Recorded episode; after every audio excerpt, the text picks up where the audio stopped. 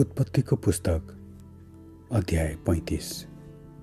त्यसपछि परमेश्वरले याकुबलाई भन्नुभयो उठेर बेथेलमा जा र त्यहीँ बसोबास गर र तेरो जा दाजु हिसाबबाट त भाग्दाखेरि त कहाँ देखा पर्ने परमेश्वरको निम्ति त्यहाँ एउटा वेदी बना। यसकारण याकुबले आफ्नो घराना र आफूसित भएका सबैलाई भने तिमीहरूसँग भएका विदेशी देवताहरू मिल्काइदेऊ।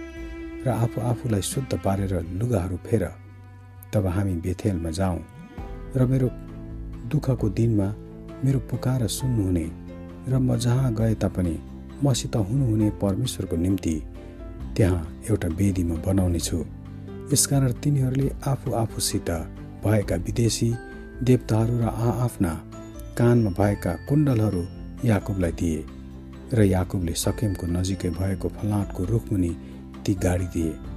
जब तिनीहरूले आफ्नो यात्रा सुरु गरे तब परमेश्वरको त्रास वरिपरिका सहरहरूमा फैलियो र कसैले पनि तिनीहरूलाई खेदेन।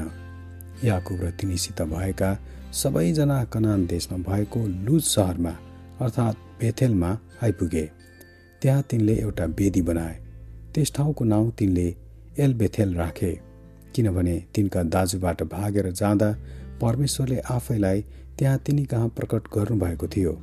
त्यहाँ रिबेका कि धाई दमोरा मरी र त्यसलाई बेतेल नेरेको फ्लाटको रुखमुनि तिनीहरूले गाडे। त्यसैले त्यस ठाउँको नाउँ अल्लोन कबुत राखियो। याकुब पद्दन आरामबाट आएपछि परमेश्वर फेरि तिनी कहाँ देखा परेर तिनलाई आशिष दिनुभयो। परमेश्वरले तिनलाई भन्नुभयो तेरो नाउँ त याकुब हो तर अबदेखि उपरान्त तँलाई याकुब भनिने छैन तेरो नाम इजरायल हुनेछ। यसैले तिनको नाउँ इजरायल भयो। परमेश्वरले तिनलाई भन्नुभयो म सर्वशक्तिमान परमेश्वर हुँ। फल्दै फुल्दै जा र सङ्ख्यामा तेरो वृद्धि होस्। एउटा जाति र जातिहरूको समूह तँबाट उत्पन्न हुनेछन् र राजाहरू पनि तँबाट उत्पन्न हुनेछन्। अब्राहम र इसाकलाई मैले दिएको देश र तँलाई दिनेछु। र म त्यो देश तँसित त पछि तेरा हुने सन्तानलाई दिनेछु तब तिनीसँग कुरा गर्नुभएको ठाउँबाट परमेश्वर उक्लिहाल्नुभयो। परमेश्वर तिनीसँग कुरा गर्नुभएको ठाउँमा याकुबले ढुङ्गाको एउटा खाँबो खडा गरे अनि तिनले त्यसमा अर्घ बलि चढाएर तेल लगाए।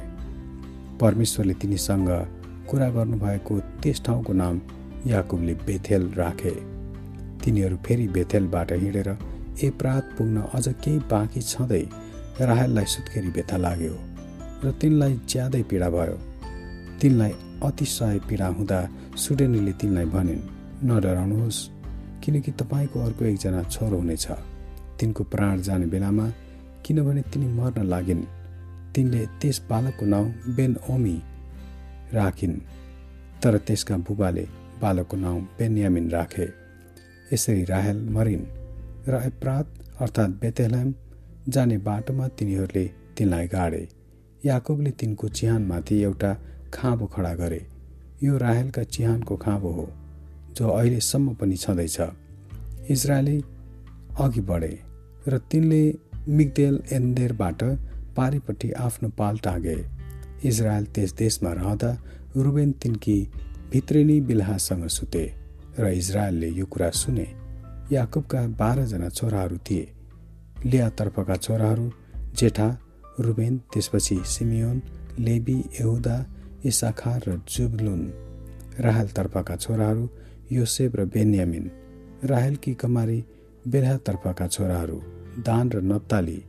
लियाकी कमारी जिल्पातर्फका छोराहरू गाद र आशेर पद्दन आराममा जन्मेका याकुबका छोराहरू यिनै हुन्।